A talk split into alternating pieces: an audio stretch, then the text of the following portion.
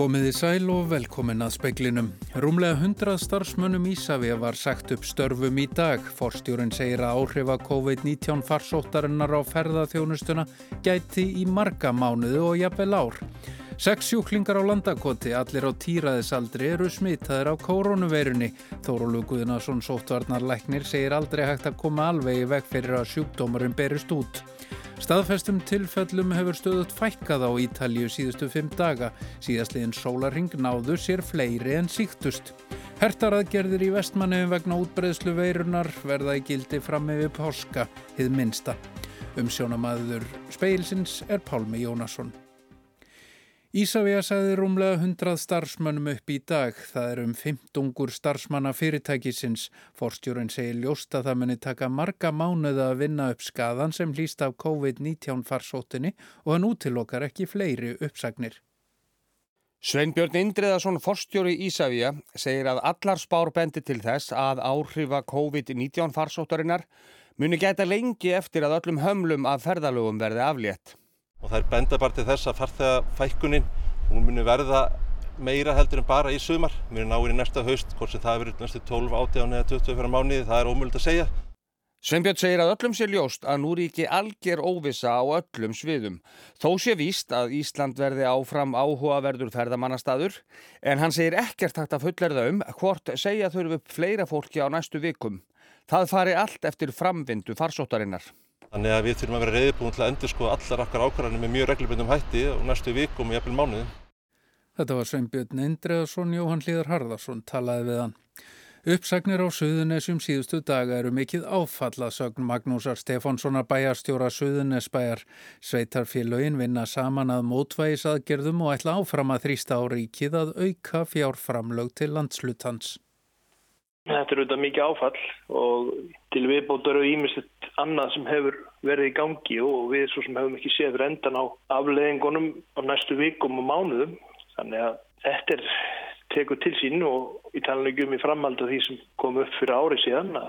Þannig að við erum, erum hérna sveitafölun mikið að vinna í því hvernig við getum mætt þessum áföllum. Segir Magnús Stefánsson. Framkomi í viðtali við Hildi Jakobínu Gísladóttur, forstöðumann vinnumálastofnunar á Suðunesum í gær, að atvinnuleysi þar í mars sé líklega á milli 13 og 14 prósent. Síðustu ár hafa bæjastjórnin sveitafélagan á Suðunesjum kalla eftir auknum fjárframlögum frá ríkinu. Það verður gert áfram að sögn Magnúsar.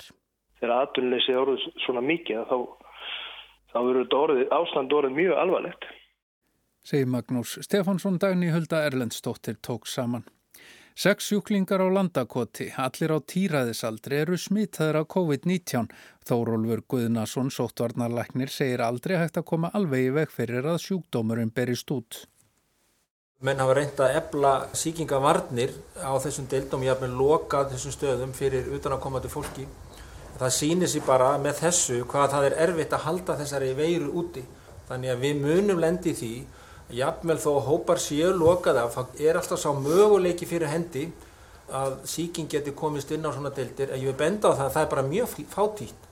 Pál stendur til að reyna að stúka þetta eitthvað enn fremur af til þess að hindra frekara smitt? Ekki í byli, við í sjálfsvegar höfum deildum þar sem þetta, þessi síking kom upp. Hún er þannig úr garri gerð að innri hluti hennar er þá stúkar af fyrir þá sem er í einangrun, eru sem síktir og restina deildin er þá fyrir þá sem er í sótkví. Við í rauninni teljum okkur hafa gert það sem við getum gert til að stemma þennan eða stöðva þennan klasa síkinga þarna. Segir Pál Mattíasson, forstjóri landsbítala áður heyrðist í Þórólu Guðnarsinni sóttvarnarlækni Halma Ómarsdóttir talaði við á. Yfir 100.000 hafa síkst af koronaveiruna á Ítalju. Góðu fréttinnar eru þær að staðfestum tilfellum hefur fækkað síðastliðna fimm daga. Ítálsku almannavarnirnar greindu frá því í dag að 101.739 smitt hefðu verið greind frá því að farsóttin braust út 21. februar.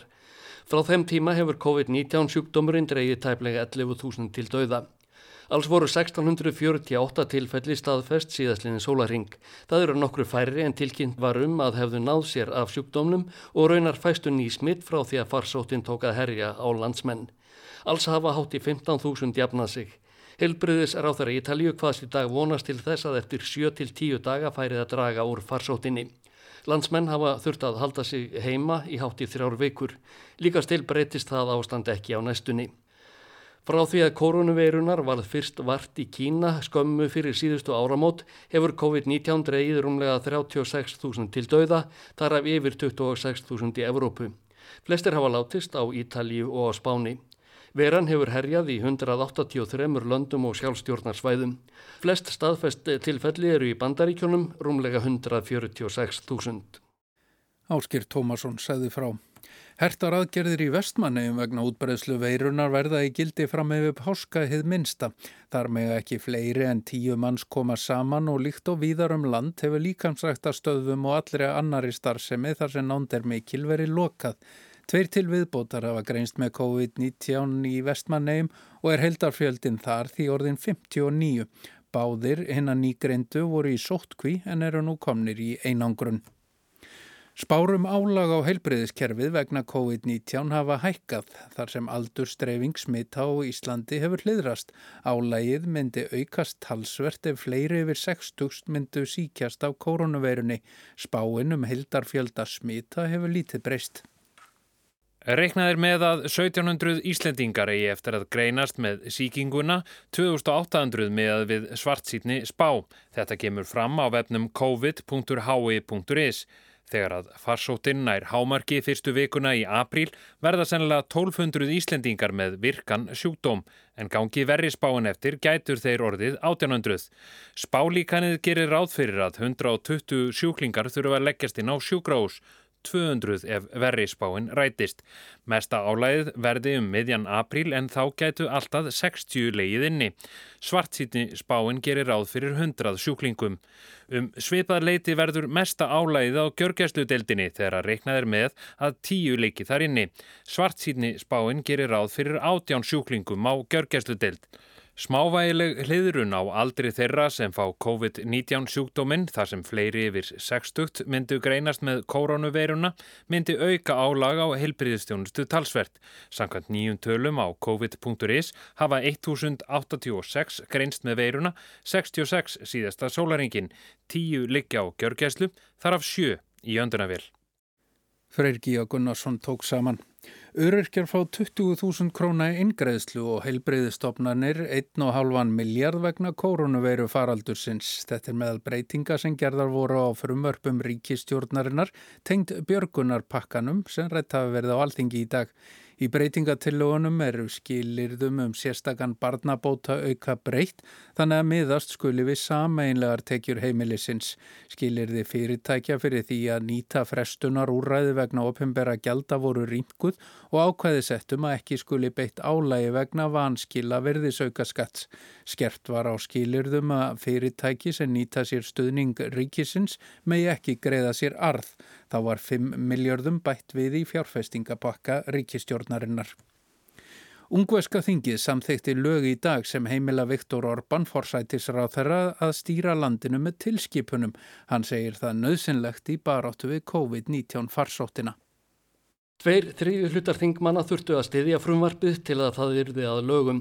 Fítes flokkur forsætis á þeirrans hefur einmitt drúan meiri hluta í neðri deildinni. Enda fór svo að frumvarpið var samþygt með 137 atkvaðum gegn 53. Stjórnar andstæðingar höfðu engum það að aðtuga við lögin að ekki var tiltekið hversu lengi Viktor Orbán verður heimilt að stjórna með tilskipunum.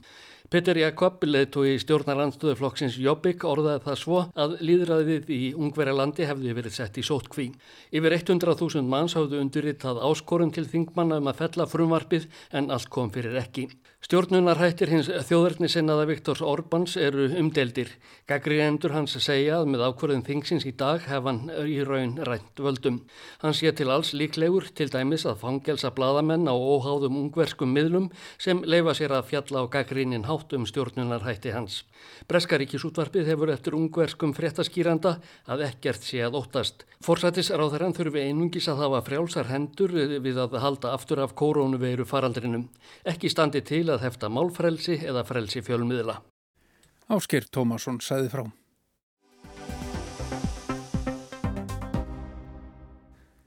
Donald Trump bandaríkjaforseti segir að döðsföllum í bandaríkjónum eigi eftir að fjölga næstu tvær vikurnar því ákvaðan í gerðkvöld að framlengja harðar aðgerðir til að hefta útbreyslu koronaveirunar í bandaríkjónum út apríl. Langflest smitt hafa greinst í bandaríkjónum meðan er í 150.000, 2616 hafa látist. I want the American people to know that your selfless, inspiring and valiant efforts are saving countless lives. You are making the difference. The modeling estimates that the peak in death rate is likely to hit in two weeks. So, I'll say it again the peak, the highest point of death rates, remember this, is likely to hit in two weeks. Nothing would be worse than declaring victory before the victory is won. Donald Trump hitti fréttamenn í Rósagarðinum við Kvítahúsið. Hann þakkaði bandarísku þjóðinni fyrir að standa saman á erfiðum tímum en ástandið eitt eftir að vestna saðan. Döðsföllum myndi fjölga og næði líklega hámarki eftir tvær vikur. Afar slæmt væri að lýsa yfir sigri of snemma. Trump sagði að ef ekkert væri aðgert getu 2,2 miljónir bandaríkjamanna látist í faraldrinum. Ef hægt væri að fækka döðsföllum niður í 100 til 200.000 væri það mikill sigur. So you're talking about 2.2 million deaths, 2.2 million people from this. And so if we could hold that down as we're saying to 100,000, it's a horrible number. Maybe even less, but to 100,000. So we have between 100 and 200,000. Uh, we all together have done a very good job. Antoni Fási, sérlegur ráðgjafi kvítahúsins, hefur sagt að miljónir bandaríkjamanna getu síksta veirunni og alltaf 200.000 látið lífið í faraldrinum.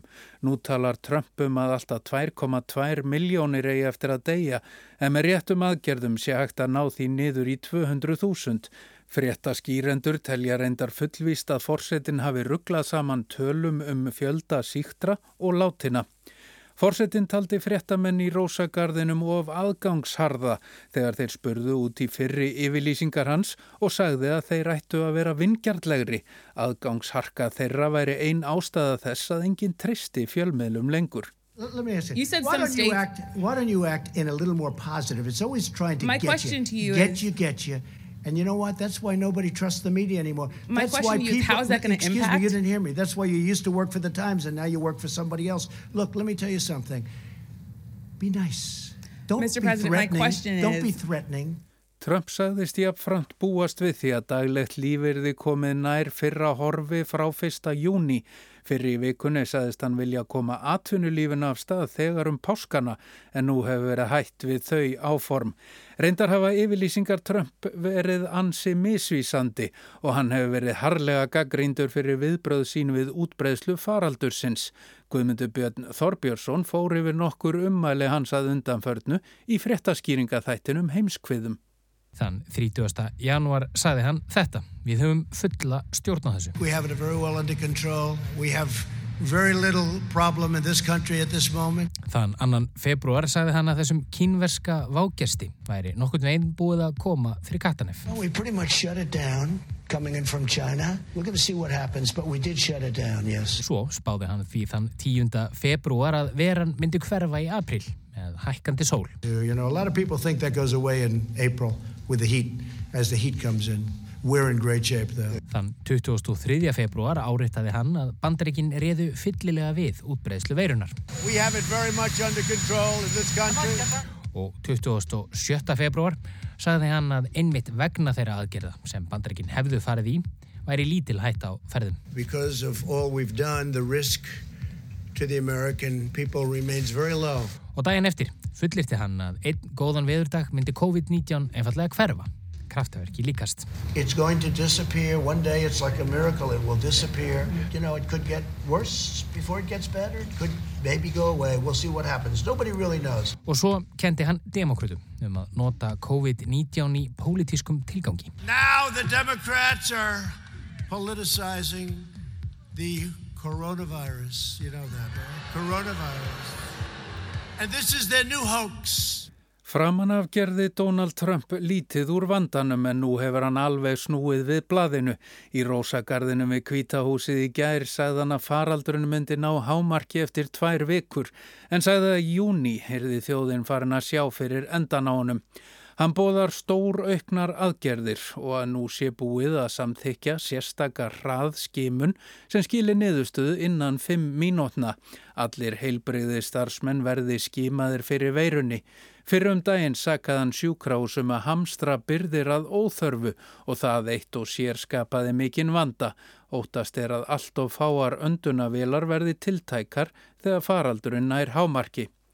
Nú segir Donald Trump að þjóðin verði að standa saman, samstaða þjóðarinnar sé aðdánaverð, hann sé stoltur að fá að vera fórseti þessara merku þjóðar. I just want to end by saying that we're all in this together. all of us. I have never seen anything like it. The unity, the esprit de corps, the spirit.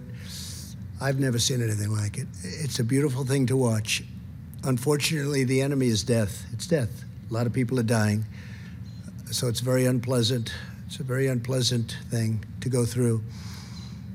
But the level of competence, the level of caring, the level of love, I, I just think it's, it's brilliant and it's possibly happening happening in other countries. Possibly, I don't know. I can't speak to other countries, but I can speak to the United States of America. And I've said it before, and I'll say it again.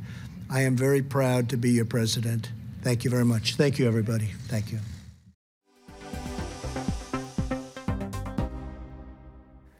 Breska ríkistjórnin hefur greipið til viðtakra efnahagsarástafana sem hafa komið í nokkrum skrefum, allt frá því að fjárlögin voru lögð fram 11. mars.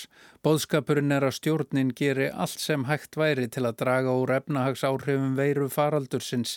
Viljan verðist ekki vanta en hvernig tekst til með framkvæmdin á eftir að koma í ljós? Þegar Ísi Súnak, fjármálaráð þeirra, læði fram fjárlögin 11. mars, hjekk veiruváin þegar yfir Breitlandi eins og óveðurski og alveg ljóst að Súnak ætlaði ekki að skera neitt við nögl. Whatever extra resources our NHS needs to cope with coronavirus, it will get.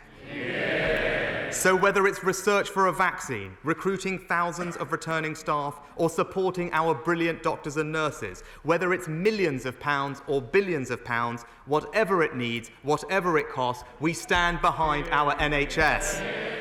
Heilbriðskerfið fengi allt sem þyrti til að ráða við veiruna, hvort sem væri leitin að bóluefni, ráðning þúsundar nýra starfsmanna eða stuðningur við okkar frábæru lækna og hjúgrunafólk, saði Súnag, hvort sem það væru miljónir eða miljardarpunta. Hvað sem það kostaði, hvað sem þyrti, þá stæði stjórnum við bakið á heilbriðskerfinu. Þarna sló fjármálaráð þeirra tón áður óhugsandi ríkisaðstóðar í flokki sem í áratug hefur rekið harða aðhaldsstefnu í ríkisfjármálum. Líka ljóst að meira, mun meira þyrti til. Tæplega viku setna, 17. mars, kynnti Súnak aðstóð við fyrirtæki í vanda. Ríkið myndi til dæmis ábyrgjast lán til fyrirtækja alltaf 330 miljardum punta, 15% af landsframleyslu. And if demand is greater than the initial 330 billion pounds I'm making available today, I will go further and provide as much capacity as required. I said whatever it takes, and I meant it. Ef meira þyrti en þessa 330 miljardar var fjármálaráð þeirra tilbúin til að spýta meir í baukinn eftir þarfum. Ég sagðist tilbúin að gera það sem þyrti og ég myndi það, saði Súnag. Lítil og meðalstór fyrirtæki geta til dæmi sótt um sérstök lán alltaf 5 miljónum punta. Stjórnin er í sambandi við ímsa geira til dæmis flugfélög um sérsniðnar aðgerðir. Nokkrum dögum síðar, 20. mars, kynnti Súnag næsta aðgerðapakka allan launþegum. Tilgangurinn er aðstofi fyrirtæki til að hindra uppsagnir. Þá líka með það í huga þegar veiruváin er frá verður að vera fólk til að taka til hendinni á nýjanleik. Súnag sæðist átta sig á að fólk hefði áhyggjur af afkomunni, af húsnæðislánum og reikningum. Allir þyrst að taka ánum stóra sínum, almenningur, fyrirtæki og stjórnvöld. Aftur þetta, allt gert sem hægt er. I am placing no limit on the amount of funding available for the scheme. We will pay grants to support as many jobs as necessary. Það eru engin takmörk fyrir hvað verður lagt í þetta fyrirkomalag. Ríkið mun greiða styrki til að varveita eins mörg störf og þörfir á, sagði fjármálaráð þeirra. Með aðgjörðunum eiga laun þegar að geta haldið alltaf 80% launa sinna, miða við mánadarlaun að hámarki 2500 punta á mánuði, það er um 435.000 krónur. Fyrirtæki geta síðan bætt við launin ef þau geta. Fólk getur sótt um greiðslufrest á afborgunum húsnæðislána, húsnæðisbætur og aðrar félagsbætur verða hækkaðar og fleiri geta nú sótt um slíkar greiðslur en áður. Ætti að gagnast um fjórum miljónum tekjulára breyta sem búa í leiguhúsnæði. Í viðbútt koma frekari fyrirgreiðslur til fyrirtækja eins og frestun og greiðslu virðisauka skats sem fjármálar á þeirra telur að jafngildi innspýtingu til fyrirtækja upp á um 1,5% landsframleiðslu. Veitingahús og hliðstæð fyrirtæki fá felda niður skatt af atvinnhúsnaði að var óvinnsall skattur. Þarna var því tekið á vanda fyrirtæki og launþega. En þá var enn einn hópur eftir um 5 miljónir sjálfstætt starfandi breyta. Aðstofið þann hóp kynnt á 50 daginn var. Það stóð á þeim aðgerðum því það reyndist flókið að skilgreina þennan hóp og koma í veg fyrir mögulegt svindl. Nei þið hafið ekki glemst við skiljum ykkur ekki eftir, við stöndum alls saman saði Súnak þegar hann kynnti aðgerðirnar. You have not been forgotten. We will not let you behind. We all stand together. Tilbúð til sjálfstætt starfandi sem hafa megnið af tekjum sínum án fastrarvinnu líkist aðstóði launþega með að við tekjur að frádregnum kostnaði að hámarki 2500 pund á mánuði eða 50.000 pund í ástekjur, rúmlega 9 miljónir króna. Það gæti dreyist fram í júni að koma þessum greiðslun til skila en fyrirfram greiðslur upp í áallaða aðstóð mögulegar. Það er engar ígjur að aðstæðurnar eru fordamalösar en það fer ekki fram hjá stjórnmálaskýrendum svo kaltæðni örlagana að það kemur í hlut flokksinn sem hefur takmarkað umfang almannagæða í áratög að dreifa nú gæðunum til almennings í mestu efnahagsráðstöðunum sem hér hafa sérst. Sigrún Davíðsdóttir segði frá.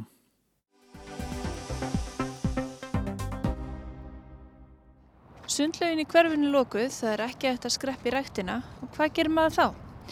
Jú, maður fer í gungutúr og andara sér vorinu. Við förum út í gróttu, í elliðárdal eða ringin í kringum Vívilstaðavatn, allavega við sem erum á höfuborgarsvæðinu. Um helgina fekk fjöldi fólks þessa hugmynd, enda ekkert að veðri. Útivistarsvæðin í borginni yða af lífi, svona hljóðar yfirskrift Pistils sem byrtist á heimasíðu Reykjavíkuborga fyrir helgi. Í honum er vakin aðtegli á sérstöku mikilvægi útivistarsvæðin í borginni nú á tímum samkomi bans.